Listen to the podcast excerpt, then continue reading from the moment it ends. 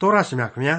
လောကလူဘုံဟာအကောင်းနဲ့အဆိုးအမှားနဲ့အမှန်တရားမှုနဲ့မတရားမှု လူဆိုးနဲ့လူကောင်းတွေအတူဒွန်တွဲတည်ရှိနေပါတယ်ဒီလိုအကောင်းနဲ့အဆိုးဒွန်တွဲတည်ရှိနေရမှာ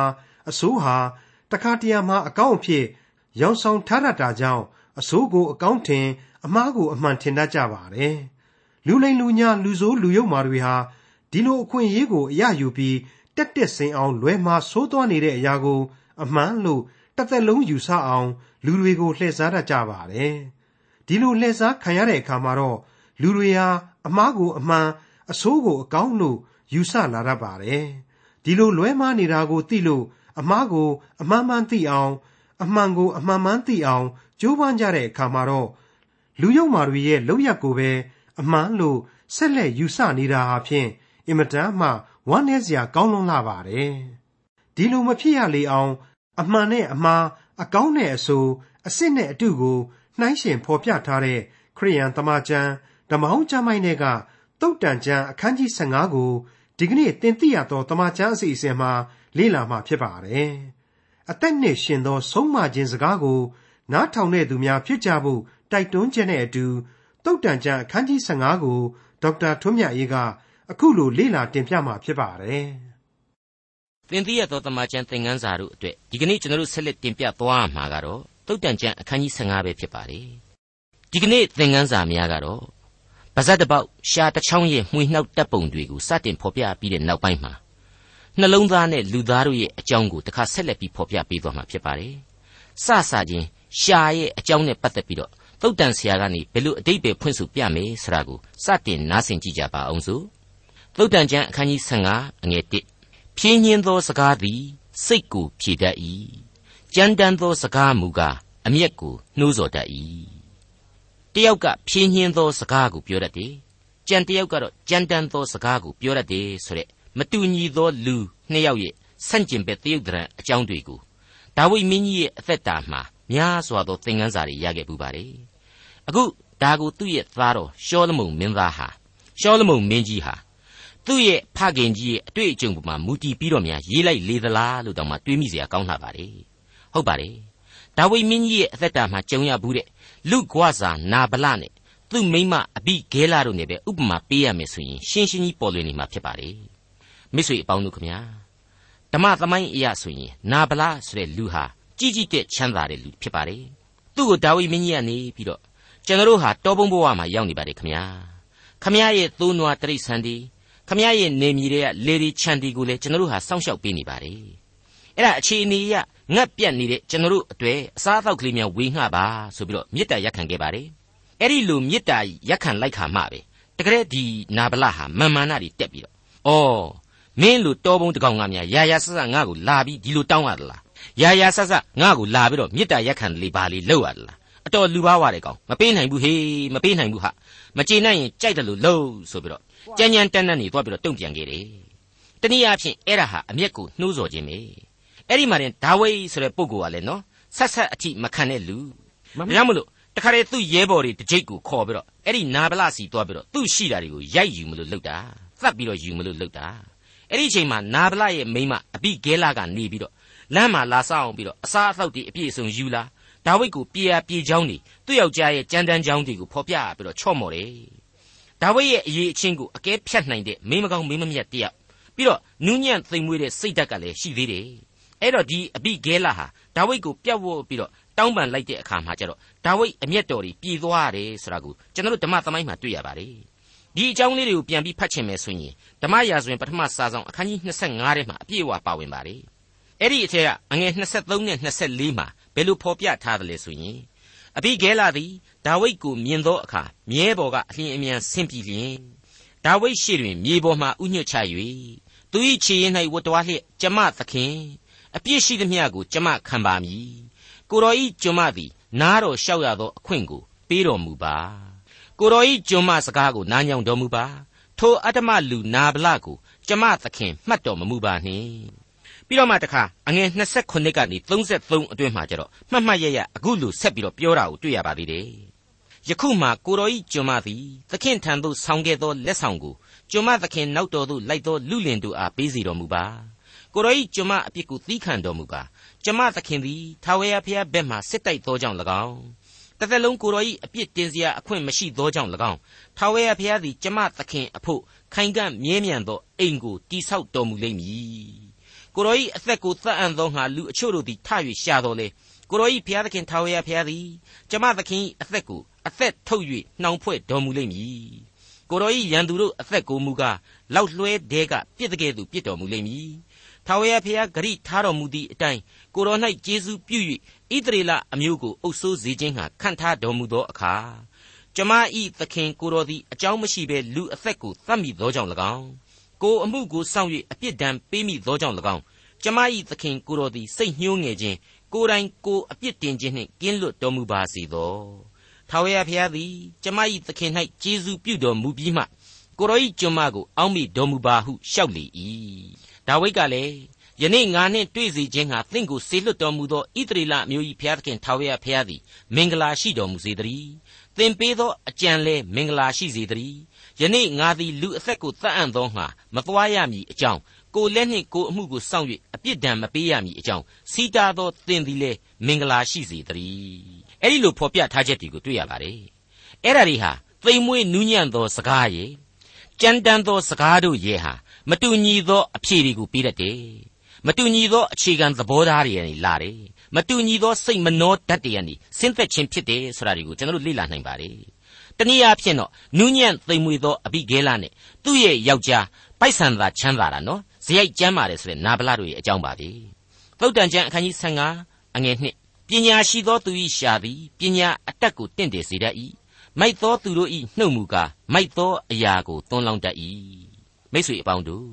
ကျွန်တော်ရဲ့ကယ်တင်ရှင်သခင်ခရစ်တော်ဆိုတာဟာလူသက်တမ်းမှာ33နှစ်လောက်သာနေထိုင်ခဲ့တဲ့အတော်အတွင်းမှာစံပြုတ်လောက်အောင်လောကကဘာမြေကြီးရဲ့ကောင်းကျိုးတွေကိုဆောင်ကျင်းပေးခဲ့တယ် လူမှုရေးအခက်အခဲကြုံတွေ့နေတဲ့လူတွေအားလုံးကိုကျေးဇူးပြုတော်မူခဲ့တယ်ဆိုတာကိုလောကမှာတင်လက်တွေ့အသက်တာကျင့်စဉ်များအဖြစ်ကျွန်တော်တို့အံ့ဩဖွယ်တွေ့ရပါတယ်အဲ့ဒီထဲမှာမှသခင်ဟာအမြဲတမ်းပညာအဆင့်အရ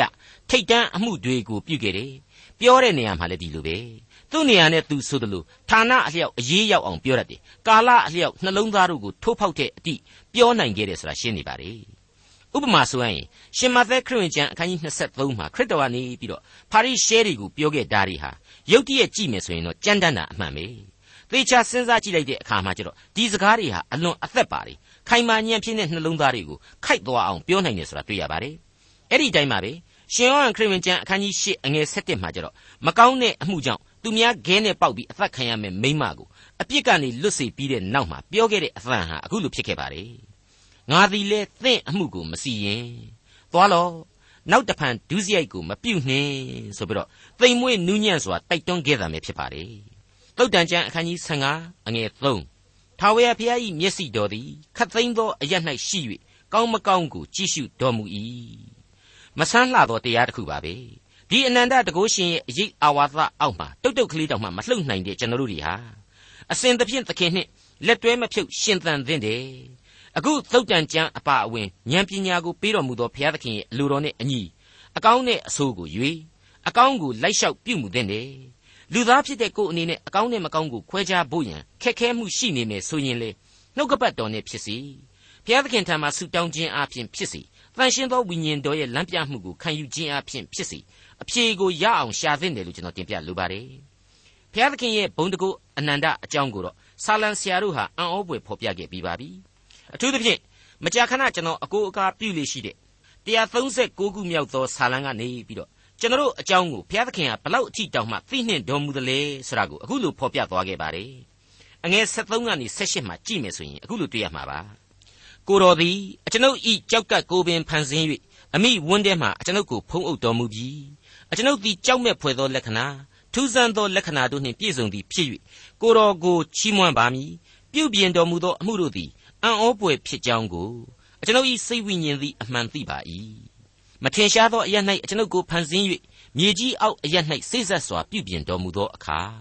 အကျွန်ုပ်၏ကိုယ်ခန္ဓာသည်ရှေ့တော်၌ထင်ရှားလျက်ရှိပါ၏မစုံလင်သေးသောအကျွန်ုပ်၏အလုံးအထွေးကိုလည်းကိုတော်သည်ကြည့်ရှု၍မြင်တော်မူပြီထိုအရာတို့ကိုပြုပြင်၍တစုံတစ်ခုမျှမရှိမီကာလတွင်ကိုတော်ဤစည်ရင်၌အကုန်အစင်မှတ်သားလျက်ရှိကြပါ၏အိုဖျားသခင် အကျွန်ုပ်၌ကိုရောဤအကြံအစီတို့သည်အလွန်ထူးဆန်းကြပါ၏အလွန်များပြားကြပါ၏ထိုအကြံအစီတော်တို့ကိုရည်တွက်လျင်သဲလုံးနှင့်အမျှမကသာ၍များပြားကြပါ၏အကျွန်ုပ်သည်နိုးသောအခါကိုတော်ထံ၌အစဉ်ရှိပါ၏မှန်ပါတယ်မိတ်ဆွေအပေါင်းတို့ဘုရားသခင်ရဲ့မျက်စိအရေးတော်အောက်ကနေပြီးတော့ကျွန်တော်တို့ဘယ်ကိုမှပြေးပေါက်မရှိပါဘူးလွတ်အောင်ရှောင်လို့မရနိုင်ပါဘူးဘုရားသခင်ဟာအပြစ်အလျောက်စီရင်ပိုင်သူဖြစ်တယ်အသက်တာကိုဖျက်ပိုင်ခွင့်လည်းရှိတယ်ပြန်ပြီးတော့တိဆောက်ပေးပိုင်ခွင့်လည်းရှိတယ် အနန္တရှင်သန်ခွင့်ကိုလည်းသူသာလျှင်ပေးနိုင်တယ်ဆိုတာကိုကျွန်တော်တို့သိနာလေပြီဆိုရင်သူ၌သာအစဉ်ခိုင်မာစွာဘဝကိုတိဆောက်သွားကြရလိမ့်မယ်ဒီအနန္တတကုရှင်ဘုရားသခင်ကိုယုံကြည်ခြင်းအပြင်သာလျှင်အသက်တာဟာအောင်မြင်နိုင်ခွင့်ရှိနိုင်ပါတယ်သုတ်တန်ကျမ်းအခန်းကြီး15အငယ်၄ဖြင်းညင်းသောရှာသည်အသက်ဖြစ်၏ကြမ်းတမ်းသောရှာမူကားစိတ်နာစေတတ်၏ကဲဒီကျမ်းကိုဒီလိုကြားနာရပြီဆိုရင်ကိုယ့်ရဲ့ပါဇက်ပေါက် ကိုယ့်ရဲ့ရှာကိုအသုံးပြုပြီးတော့သူများရဲ့အသက်တာအတွက်မေတ္တာနဲ့တိဆောက်ပေးမလားရှင်သန်ခွင့်အတွက်အားပေးမလားတခါဆက်ဆံပြီးတော့ဆဲကားလန်းဆိုသလိုဖြစ်အောင်ပိတ်ကလေးနဲ့ဘေးပြစ်တယ်လို့ပြောကြမလားဆိုတာကိုရွေးဖို့ပဲရှိနေပါတယ်သုတ်တန်ကျမ်းအခန်းကြီး15အငယ်9မှ10မိုက်သောသူသည်အဖသွန်သင်ခြင်းကိုမထီမဲ့မြင်ပြုတတ်၏ဆုံးမသောစကားကိုနားထောင်တတ်သောသူမူကားတမာတရိနှင့်ပြည့်စုံတတ်၏ဖြောင့်မတ်သောသူ၏အိမ်၌များစွာသောစီစဉ်ရှိ၏ မတရားသောသူခံရသောအခွန်မူကားများစွာသောနှောက်ယှက်ခြင်းနှင့်ရှင်၏ပညာရှိသောသူ၏နှုတ်ခမ်းတို့သည်ပညာအတတ်ကိုစွန့်ကြဲတတ်၏မိုက်သောသူ၏နှလုံးမူကားပညာမရှိမတရားသောသူပူဇော်သောရစ်ကိုထာဝရဘုရားဆက်ဆုပ်ယွန်ရှာတော်မူ၏သဘောဖြောင့်သောသူဆုတောင်းသောပထနာကိုကနှစ်သက်တော်မူ၏မိုက်သောသူသည်အဖသွန်သင်တာကိုမထီမဲ့မြင်လုပ်တတ်တယ်တဲ့အဲ့ဒါဟာအဖသို့မဟုတ်အဖေရဲ့အရေး အဖေရဲ့ရင်ခွင်မှာရှိနေစေအချိန်ကာလကလေးကအချိုးမပြေတဲ့သားတစ်ယောက်ရဲ့အကြောင်းပါပဲအဖေကကြွေးတာစားမယ်မို့ဘိုးတောင်းပြီးတော့ကြောင်းပြေးမယ်အဖေကကောင်းရကောင်းကျိုးပြောမယ်ဆိုရင်ဘူးတွေပေါက်တွေပြန်ပြောမယ်ဆိုတဲ့လူမိုက်တို့ရဲ့အခြေခံသဘောပါပဲအလွန်ကြမ်းတမ်းတဲ့အဆင့်ကိုရောက်သွားတယ်လို့ကျွန်တော်ဆိုချင်ပါတယ်တချို့ကြတော့လေဒီလိုမဟုတ်ဘူးပုံစံတစ်မျိုးပြောရင်ခေါင်းငုံပြီးခံတယ်ပြီးတော့မှခံမပြောနားမထောင်ဘူးဆိုတဲ့မူဝါဒနဲ့ကိုကြိုက်ရကိုလုံမယ်ဆိုတဲ့အမျိုးအစားပေါ့အဲ့တော့မိษွေတို့အဖေနေရာကစဉ်းစားကြည့် အဖိုးကြီးကတော့ငါသားလေးမဆိုးဘူးငါပြောတာနားထောင်သားပဲဆိုပြီးတော့ပြုံယုံပြုံယုံနဲ့ပြောလိုက်ဆိုလိုက်ရတာအမောတွေပါလေဆိုးလို့သူ့သားကတော့သူ့ကွယ်ရမှာမဟုတ်မဟတ်တီလုံနေတာကိုမသိရှာဘူးတနည်းအားဖြင့်အဖေကြီးတပတ်ရိုက်ခံရတယ်ဆိုတာမျိုးပေါ့ဒါဟာစောစောပိုင်းကဖော်ပြခဲ့တဲ့မချီမဲ့မြင်ပြုခြင်းသဘောတည်းမှာပဲနောက်ထပ်ပုံစံတစ်မျိုးနဲ့ပါဝင်တယ်လို့ကျွန်တော်ခံယူပါတယ်မိတ်ဆွေအပေါင်းတို့ခမညာဝိညာဉ်ရေးသဘောတရားကနေကြည့်တော့ဘုရားသခင်ကိုစားချထားပေးတဲ့လောကဖခင်ဆိုတာဟာ ကိုယ့်ကိုအမှန်တကယ်သာလူသားတစ်ယောက်အနေနဲ့အကောင်းဆုံးသွန်သင်ဆုံးမပေးတယ်ဆိုရင်ယိုသေးစွာနားကိုထောင်ရမယ်ယိုသေးစွာနာခံပြီးတော့လိုက်နာရမယ်အဲ့ဒီလိုပါပဲကောင်းကင်ဘုံရှင်အဖဘုရားသခင်ကိုလေကျွန်တော်လူသားတွေဟာကိုယ့်အဖေတွေတက်ပို့ပြီးတော့ယိုသေးလေးစားစွာနဲ့နားထောင်နာယူခြင်းရှိကြရလိမ့်မယ်အလိုတော်ကိုလည်းရှာဖွေလိုက်နာကြရမယ်ဆိုတဲ့သဘောမျိုးပဲဖြစ်ပါတယ်တခုတော့ရှိပါတယ်နော်လောကဆိုင်ရာဖခင်ကိုသာကျွန်တော်တို့ကဖြီးလို့ဖြန်းလို့ရကြင်ရမယ် ကောင်းကင်ဘုံရှင်အဖဖရာသခင်ကိုတော့ရောင်လို့တောင်မှသွားပြီးတော့ဖြီးလို့ဖြန်းလို့မရနိုင်ဘူးဆိုတဲ့သစ္စာတရားရှိနေတာကိုကျွန်တော်တို့မေ့လို့မရနိုင်ပါဘူးထာဝရဘုရားကြီးမျက်စိတော်ဟာခတ်သိမ်းသောအရတ်မှရှိတယ်ကောင်းမကောင်းကိုကြည့်နေတယ်ဆိုပြီးတော့ဖော်ပြခဲ့ပြီးပြီဒီအဆုံးအမတွေတဲကမတရားသောသူခံရသောအခွန်ဆရာဟာကျွန်တော်တို့ပြီးခဲ့တဲ့သင်ခန်းစာတွေမှာဖော်ပြပေးခဲ့တဲ့အတိုင်းပဲနောက်ဆုံးသောတရားစီရင်ခြင်းအချိန်ကာလနဲ့ကောင်းကင်ဘုံစည်းစိမ်ကိုဝင်စားခံစားရခြင်းမှတောင်းမှ အဆင့်ချင်းမတူညီမှုခွဲခြားမှုရှိနိုင်တယ်။ယုံကြည်သူပင်ဖြစ်စေယုံကြည်ခြင်းတရားကိုစောင့်ရှောက်မှုလျော့ရဲနေမယ်ဆိုရင်ပေးဆက်เสียအကျွေးကြံနေခြင်းမျိုးဖြစ်နိုင်တယ်ဆိုတာကိုကျွန်တော်တို့အလေးအနက်သတိထားဖို့လိုပါတယ်။အဲ့ဒီလိုလူမျိုးတွေအတွက်ဒီမှာသုံးဆွဲလိုက်တဲ့အချက်ကတော့များစွာသောနှောက်ယှက်ခြင်းတဲ့။မှန်ပါတယ်။စိတ်လွတ်ကိုယ်လွတ်မရှိအောင်အသက်တာမှာအကျွေးတွေရှိနေတတ်ပါတယ်။ပေးဆက်เสียအခွန်တွေရှိနေတတ်ပါတယ်။ယုံကြည်သူခရိယန်အပေါင်းတို့အဖို့အထူးသတိပြုရန်အချက်တစ်ချက်ပါပဲ။ မတရားသောသူဤရစ်ပူဇော်ခြင်းကိုဘုရားသခင်မနှစ်သက်ဆိုတဲ့အချက်ဟာနှုတ်ကပတ်တော်အသက်လန်းအရာအရေးတကြီးထင်ရှားပေါ်လွင်နေတဲ့အချက်တစ်ခုပါအဲ့ဒါဟာကျွန်တော်တို့တွေအတွက်အတိတ်ကာလရဲ့ပြည့်ညတ်တွေအပေါ်မှာပြည့်ညတ်တော်တွေအပေါ်မှာအသေးဆွဲနေကြပြီးတော့ဘုရားသခင်ကိုကိုးကွယ်ယုံကြည်ရာမှာတော့ဝိညာဉ်ခွန်အားမပါဝင်ခြင်းတွေအယူမှားခြင်းတွေမရှိဖို့သတိပေးလိုက်ခြင်းပဲဖြစ်ပါတယ်မိษွေတို့ကိုဒီနေရာမှာအဲ့ဒီလိုရစ်ကောင်နဲ့ပူဇော်ခြင်းတဲ့ဘုရားသခင်ကိုစိတ်ဝိညာဉ်နဲ့သာကိုးကွယ်ရမယ် မိမိရဲ့နှလုံးသားစိတ်အစဉ်နဲ့ယုံကြည်ခြင်းဟာအဓိကကြတယ်ဆိုတဲ့အချက်တွေကိုသတိပေးလိုက်တာပဲလို့ကျွန်တော်ခံယူပါတယ်ဓမ္မရာဇဝင်ပထမစာဆောင်အခန်းကြီး15အငယ်22က23ကိုကျွန်တော်တို့ပြန်ဖတ်ပြီးတော့အာယူဖို့ရှိပါတယ်ရှမွေလကလည်းထာဝရဘုရား၏အမိန့်တော်ကိုနားထောင်ခြင်း၌အာရတော်မူတဲ့ကဲ့သို့မိရှုရာရစ်အစရှိသောရစ်မျိုးတို့ကိုပူဇော်ခြင်း၌အာရတော်မူမည်လောအလိုတော်သို့လိုက်ခြင်းသည်ရစ်မျိုးတဲ့သာ၍ကောင်း၏နားထောင်ခြင်းသည်သိုးရီစီဥတဲ့သာ၍ကောင်း၏ ညင်းဆန်သောသဘောသည်နတ်ဆိုးနှင့်ပေါင်းခြင်းကဲ့သို့၎င်းခိုင်မာသောသဘောသည်ဘေရင်တစားကိုသုံးခြင်းကဲ့သို့၎င်းအပြစ်ကြီး၏သင်သည်ထာဝရဘုရား၏စကားတော်ကိုပယ်သောကြောင့်ထာဝရဘုရားသည်ရှင်ဘရင်အရာကိုနှုတ်၍သင်ကိုပယ်တော်မူပြီဟုဆို၏ဒါဟာရစ်ကောင်တွေကိုပူဇော်ခြင်းတွေတဲ့စိတ်ဝိညာဉ်နဲ့ကိုးကွယ်ခြင်းသာလျှင်အဓိကဖြစ်တယ်အခရာဖြစ်တယ်ဆိုတာကိုရှမွေလဖော်ပြလိုက်ခြင်းပါပဲနှုတ်ကပတ်တော်ကကျွန်တော်တို့ကိုသွန်သင်ပေးလိုက်ခြင်းပါပဲ အဲ့ဒါကိုပဲရှင်ယောဟန်ခရစ်ဝင်ကျမ်းအခန်းကြီး၄မှာရှမာရိအမျိုးသမီးတယောက်ကိုတွေ့တဲ့အချိန်မှာကယ်တင်ရှင်သခင်ခရစ်တော်ဆုံးမခဲ့တဲ့အချက်ကိုလေရှင်ပြီးတော့ကျွန်တော်တို့လေ့လာတိုက်ပါတယ်ရှင်ယောဟန်ခရစ်ဝင်ကျမ်းအခန်းကြီး၄အငယ်21ကနေ26အထိတွင်းမှာအခုလိုကယ်တင်ရှင်ဖော်ပြခဲ့ပါတယ်အချင်းမိန်းမငါစကားကိုယုံတော့ဤတောင်တို့မလားယေရုရှလင်မြို့သို့မသွားဘဲခမည်းတော်ကိုကိုးကွယ်ရမည်အချိန်ကာလရောက်ဆဲရှိ၏သင်တို့သည်ကိုမသိသောအရာကိုကိုးကွယ်ကြ၏ ငါတို့သည်ကိုသိသောအရာကိုကိုးကွယ်ကြ၏အကြောင်းမူကားယူရလူတို့၌ကယ်တင်ခြင်းအကြောင်းရှိ၏ကိုးကွယ်သောသူမှန်သမျှတို့သည်ခမည်းတော်ကိုနံဝိညာဉ်နှင့်၎င်းတစ္ဆာတရားနှင့်၎င်းကိုးကွယ်ရမည်အချိန်ကာလသည်လာ၍ယခုပင်ရောက်လျက်ရှိ၏အကြောင်းမူကားထိုသို့ကိုးကွယ်သောသူတို့ကိုခမည်းတော်သည်အလိုရှိတော်မူ၏ဘုရားသခင်သည်နံဝိညာဉ်ဖြစ်တော်မူ၏ဘုရားသခင်ကိုကိုးကွယ်သောသူတို့သည်နံဝိညာဉ်နှင့်၎င်းသစ္စာနှင့်၎င်းကိုးကွယ်ရမည်ဟုမိန့်တော်မူ၏ မိမကလည်းမေရှိကြွလာတော်မူသည်ဟုကျွန်ုပ်သိပါ၏ရောက်တော်မူသောအခါကျွန်ုပ်တို့အားအလုံးစုံတို့ကိုဖော်ပြတော်မူမည်ဟုရှောက်ပြန်၏မေရှိအ내ကခရစ်တော်ဟုဆိုလိုသည်ယေရှုကလည်းသင်နှင့်စကားပြောသောငါသည်မေရှိပင်ဖြစ်သည်ဟုမိန့်တော်မူ၏ဒီတော့အတိတ်ကာလပြည့်ညတ်တော်တွေဆိုတာဟာခရစ်တော်ရဲ့ကျေးဇူးဂရုနာတော်ကိုလက်ခံခြင်းအပြင်မလိုတော့ဘူးဒီကနေ့အဖို့ကျေးဇူးနဲ့ဂရုနာတော်သာလျှင်အဓိကဖြစ်နေတယ် ကျေးဇူးဂရုနာတော်ကိုပြည့်ညတ်တော်တွေအတွက်အစားထိုးဖော်ပြလိုက်ပြီဆိုတာပေါ်လွင်လာပါတယ်ဒီပြည့်ညတ်တော်တွေဟာဒါပေမဲ့အရေးမကြီးဘူးလားသိအရေးကြီးပါတယ်သူဟာကယ်တင်ရှင်သခင်ခရစ်တော်ကိုကိုးကွယ်ဖို့ဥညွတ်ဖို့ဆိုတဲ့ကယ်တင်ခြင်းကျေးဇူးကိုလူသားတွေလိုအပ်နေတဲ့အကြောင်းကိုဖော်ပြသောကြေးမုံမှန်ချက်များဖြစ်တယ်ဆိုတာကိုကျွန်တော်ဖော်ပြပေးခဲ့ပြီးပါပြီ။ယုံကြည်ခြင်းတရားဟာဖြောင့်မတ်ခြင်းပါရမီကိုဖြစ်စေတယ်။ ယေရှုအားဖြင့်ကယ်တင်ခြင်းကျေးဇူးတော်ကိုခံစားရစေတယ်ဆိုတဲ့အချက်တွေကိုပို့ပြီးတော့ပေါ်လွင်စေပြီလို့ကျွန်တော်ဖော်ပြလိုက်ပါတယ်။သုတ်တန်ကျမ်းအခန်းကြီး15အငယ်9နဲ့10မတရားသောသူလိုက်သောလမ်းကိုထာဝရဘုရားဆက်ဆုပ်ယွန်ရှာတော်မူ၏။ဖြောင့်မတ်ခြင်းတရားလမ်းသို့လိုက်သောသူကိုကချစ်တော်မူ၏။လမ်းလွှဲသောသူသည်ဆုံးမသောစကားကိုနားမခံလိုသို့တော်လည်းအပြစ်တင်ခြင်းကိုမုံသောသူသည်သေရမည်ကဲဒီအပိုင်းကိုရောက်ရှိလာတော့ လေးလေးနက်နက်စဉ်းစားဖို့လိုလာပါပြီအပြစ်တင်ခြင်းကိုမုံမုံမမုံမုံဘသူမသေးပဲနေမှာတော့သေကိုသေရမှာကြီးအတူတူအပြစ်တင်ခြင်းကိုမုံတဲ့လူဟာသေရမယ်တဲ့ကွက်ပြီးတော့ပြီးပြီးပြင်းပြင်းကြီးဖော်ပြလိုက်ပါတယ်ဒီတော့ဒီနေရာမှာသေခြင်းဆိုတာဟာဝိညာဉ်အသက်ဆုံးခြင်းကိုဖော်ပြတာမှန်ရှင်းနေပါပြီမိတ်ဆွေအပေါင်းတို့ကိုဆိုတဲ့လူသားဟာအပြစ်စားတိလူသားမို့လို့ဘုရားသခင်ကိုယုံကြည်ခြင်းအပြင်သာလျှင် ထာဝရအသက်ကိုမျှော်လင့်เสียဖြစ်တယ်ဆိုတာကိုကျွန်တော်လက်ကိုခံကြရမှာအကန့်အမှန်ဖြစ်ပါတယ်။ဒါဟာဒီနှုတ်ကပတ်တော်ကဖော်ပြတဲ့လူသားတို့လွတ်ရလန်းအတွက်တခုတည်းသောမျှော်လင့်เสียကျေးဇူးတော်ပဲဖြစ်နေပါပြီ။အဲ့ဒီကျေးဇူးတော်ရဲ့သဘောကိုသိအသက်ရှင်တော်မူသောဘုရားသခင်ကိုကိုးကွယ်ကြဖို့အရေးဟာဒီကနေ့ရဲ့မိษွေတို့ကျွန်တော်ရဲ့အရေးဖြစ်ပါတယ်။အသက်ကိုဆုံးရှုံးမှကြောက်ရွံ့တဲ့လူသားတိုင်းတို့အတွက်အရေးအကြီးဆုံးလိုအပ်ချက်ကြီးတစ်ခုဖြစ်နေပြီလို့ကျွန်တော်ဆိုချင်ပါတယ်ဒီအပိုင်းမှာအထူးတွေးခေါ်မိတာကတော့ အဲ့ဒီလိုလူသားဟာအပြစ်စားတိပဂရိနဲ့ကြီးမှုလို့သာအသက်ကိုပေးပိုင်သူဘုရားသခင်ကိုနောင်တနှလုံးသားရဲ့ကျိုးပဲ့ကြေမွသောစိတ်အစဉ်များရဲ့နဲ့ချင်းကပ်ရမယ်ဆိုတာကိုလူသားအများစုကနားမခံနိုင်ကြပါဘူးမကြိုက်ကြပါဘူးဒီအချက်ဟာအရေးကြီးပါတယ်တကယ်တော့စာရမဏတ်လွှမ်းမိုးနေတဲ့လူစားတိပဂရိနှလုံးသားဟာဒီအတိုင်းဖြစ်ကိုဖြစ်ရလိမ့်မယ်သိတော့မဆန်းလှဘူး အဲ့ဒီတီရှိနေတဲ့အပြက်လန်းကနေပြီးတော့အသက်လန်းကိုတွေ့မြင်အောင်လူသားဟာကြိုးစားဖို့တော့လိုလိမ့်မယ်လို့ကျွန်တော်ခံယူမိပါတယ်မိတ်ဆွေတော်တတ်ရှင်အပေါင်းတို့ခမညာ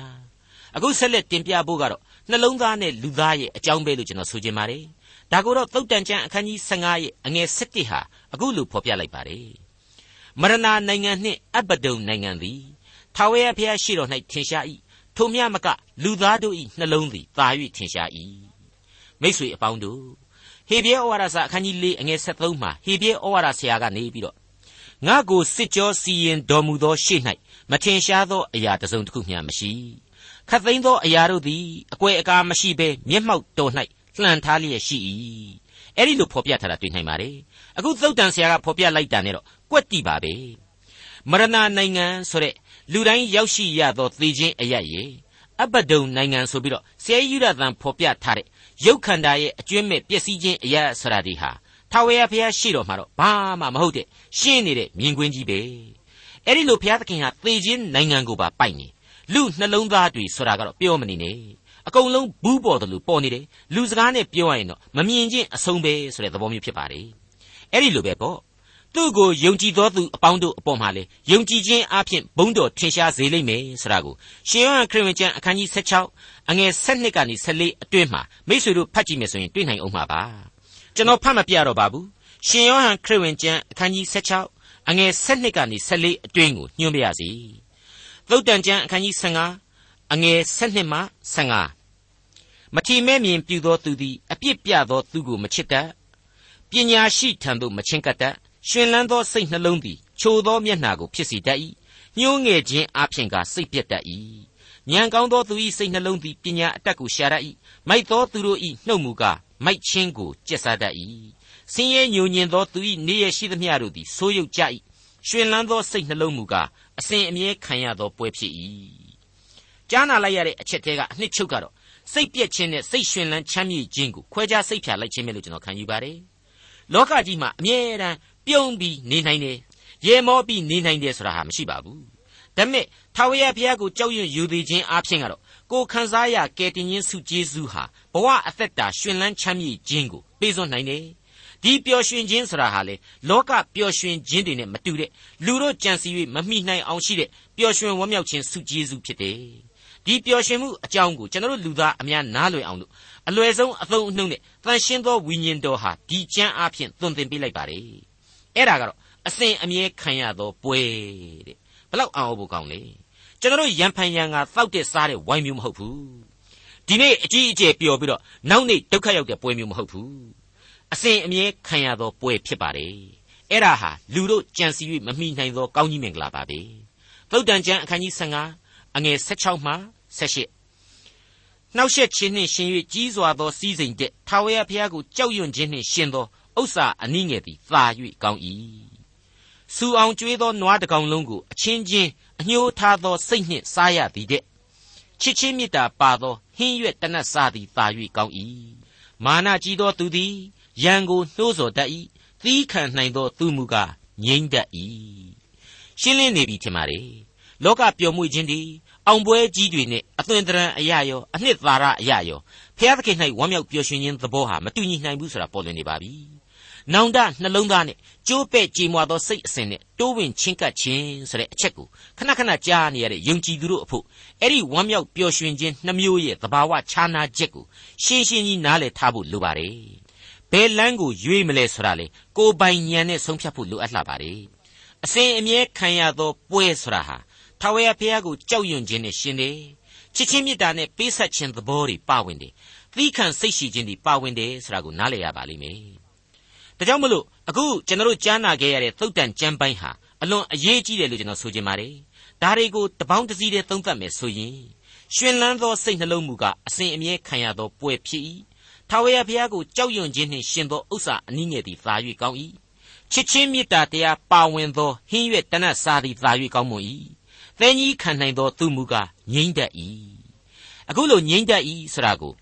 Peace Strike ဆိုပြီးတော့ဖော်ပြထားပါတယ် ဘေးရန်များကိုပယ်ခွာငြိမ့်စေနိုင်ခြင်းဆိုတဲ့အလွန်ကောင်းမွန်တဲ့ယုံကြည်ခြင်းကြောင့်ခံစားရတတ္တိဒုကိုဖော်ပြလိုက်ခြင်းပါပဲမိတ်ဆွေအပေါင်းတို့ခမညာသုတ်တန်ကျမ်းအခန်းကြီး15ရဲ့အငယ်16မှ23ကိုကျွန်တော်ကြော်လွှားပါမယ်ခရိယန်အိမ်တောင်မိသားစုတွေတစုတဝေးတဲ့စုပေါင်းတိုင်ပင်တဲ့အချက်တွေစဉ်းစားတွေးခေါ်တဲ့အချက်တွေပါဝင်တယ်လို့ကျွန်တော်ခံယူပါတယ်မိษွေတို့တူးချင်းဖတ်ရှုလေ့လာတိုက်တယ်လို့ကျွန်တော်အကြံပြုလိုပါတယ်အခုချိန်မှာသုတ်တန်ကျမ်းအခန်းကြီး15 အငယ်24မှ29ကိုဆက်ပြစီပညာရှိသောသူလိုက်ရာအသက်လန်းသည်အောက်အယမရဏနိုင်ငံမှလွှဲဆောင်၍အထက်သို့ပို့ဆောင်တတ်၏မာနထောင်လွှားသောသူ၏အိမ်ကိုထာဝရဘုရားဖျက်ဆီးတော်မူမည်မုတ်ဆိုးမနေရာအရက်ကိုကတည်စေတော်မူမည်မတရားသောသူ၏အကြံအစီတို့ကိုထာဝရဘုရားဆက်ဆုပ်ယွန်ရှာတော်မူ၏စင်ကြယ်သောသူ၏စကားကိုကနှစ်သက်တော်မူ၏မတရားသောစီးပွားကိုရှာသောသူသည်မိမိအိမ်သားတို့ကိုနှောက်ယှက်တတ်၏ တစိုးကိုယွန်သောသူမူကားအသက်ချမ်းသာရလိမ့်မည်ဖြောင့်မတ်သောသူသည်အဘယ်သို့ပြန်ပြောရမည်ကိုစိတ်နှလုံးထဲမှဆင်ခြင်တတ်၏မတရားသောသူ၏နှုတ်မူကားမကောင်းသောအရာတို့ကိုသွန်းလောင်းတတ်၏ထာဝရဘုရားသည်မတရားသောသူတို့နှင့်ဝေးတော်မူ၏ဖြောင့်မတ်သောသူ၏ပထနာစကားကိုကနားထောင်တော်မူ၏မာနထောင်လွှားမှုတွေမတရားတဲ့စီးပွားတွေမတရားတဲ့အကြံအစီတွေအတွက်ဘုရားသခင်ဆက်စုယွန်ရှာခြင်းအကြောင်းကိုအတည်ပြုပေးလိုက်ပါတယ်ဟုတ်ပါတယ် ဒီစကားတွေဟာသုတ်တန်ကျန်ဏိဒန်းကိုပြန်ပြီးတော့အသက်သွင်းပေးလိုက်တယ်လို့ပဲရှိနေပါတယ်ဒီသုတ်တန်ကျန်ကိုဏိဒန်းပြို့ပြီးကြတဲ့ရှင်းရှင်းလေးကျွန်တော်တို့ပြောထားခဲ့ပြီးပါပြီအခန်းကြီး1အငယ်1မှ9အတွင်းမှာကြည့်မယ်ဆိုရင်ဖြောင့်မတ်ခြင်းနဲ့တရားမျှတခြင်းဆိုတာကိုခန်းစားဖို့ရန်ဒီကျမ်းကိုပြုစုထားကြောင်းကိုဖော်ပြထားပါတယ်အခုသုတ်တန်ကျမ်းအခန်းကြီး15ဖော်ပြချက်တွေဟာဒါကိုဆက်ပြီးတော့အတီးပြုတ်ပေးလိုက်ပါတယ်ရှင်းလင်းပေးလိုက်ပါတယ်သုတ်တန်ကျမ်းအခန်းကြီး15အငယ်30မှ33အထိ မျက်စိအလင်းသည်နှလုံးကိုရှင်လန်းစေတတ်၏ကောင်းသောသတင်းစကားသည်လည်းအယိုးတို့ကိုချင်းစီနှင့်ပြေဝစေတတ်၏အသက်နှင့်ရှင်သောဆုံးမခြင်းစကားကိုနားထောင်သောသူသည်ပညာရှိတို့နှင့်ပေါင်းဖော်ရသောအခွင့်ရှိ၏ဆုံးမခြင်းစကားကိုပယ်သောသူသည်မိမိအသက်ဝိညာဉ်ကိုမထီမဲ့မြင်ပြုရသို့ရောက်တတ်၏နားထောင်သောသူမူကားဉာဏ်ကိုရတတ်၏ထာဝရဘုရားကိုကြောက်ရွံ့သောသဘောသည်ပညာကိုသွန်သင်ခြင်းဖြစ်၏ဂုံအသရေအရင်၌နှိမ့်ချခြင်း၏နေရာရှိ၏လူတစ်ယောက်ကို ထာဝရဘုရားသခင်ကိုကြောက်ပါကိုးကွယ်ပါဆိုပြီးတော့သာမန်တိုက်တွန်းခြင်းတဲ့မကပို့ပါတယ်မိမိတို့ခံစားရဉာဏ်ပညာကိုကိုယ်တိုင်ခံယူယုံသာမကသေးပဲနဲ့သူတစ်ပါးတို့အတွက်ပါဝေမျှပေးပါသွန်သင်ပေးပါဆိုတဲ့အချက်ကိုသိသာစွာဖော်ပြလိုက်ပါတယ်ဒါကြောင့်လဲဏီကုန်းပိုင်းဖော်ပြချက်အရာထာဝရဘုရားကိုကြောက်ရွံ့ခြင်းသဘောသည်ပညာကိုသွန်သင်ခြင်းဖြစ်၏လို့အထူးပြုဖော်ပြပေးထားပါတယ်ဒါရင်မကပညာတရားရှိခြင်းဆိုတာဟာမာမာနထောင်ထွားဖို့အရှင်းမဟုတ်ခရစ်တော်ဖော်ပြခဲ့တယ်လို့ သူတစ်ပါးကိုစေစားရန်အတွက်မဟုတ်အစေခံရန်ဖြစ်တယ်ဆိုတဲ့ကိုကြိုးစွန့်ဝန်ထမ်းခြင်းဝိညာဉ်ရေးအသည့်တရားကိုပုံမနားလည်ဖို့ရန်အတွက်ဂုံအသရေအရင်၌နှိမ့်ချခြင်းဤနေရာရှိ၏လို့ပြီးပြီးပြင်းပြင်းကြီးညာပေးလိုက်ပါတယ်မိษွေတို့အတွက်လက်တွေ့ကြသောယုံကြည်ခြင်းတရားကျင့်စဉ်များပဲဖြစ်ပါတယ်ကျေးဇူးတော်ကိုချီးမွမ်းလျက်နာခံကြပါစို့ဒေါက်တာထွန်းမြတ်ရေးစီစဉ်တင်ဆက်တဲ့တင်ပြတော်တမချန်းအစီအစဉ်ဖြစ်ပါတယ် နောက်တစ်ချိန်အစီအစဉ်မှာခရိယန်တမချန်းဓမ္မဟောင်းကျမ်းပိုင်းတွေကတုတ်တန်ကျမ်းအခန်းကြီး16အခန်းငယ်1ကနေအခန်းငယ်6အထိကိုလေ့လာမှာဖြစ်တဲ့အတွက်စောင့်မျှော်နားဆင်နိုင်ပါတယ်။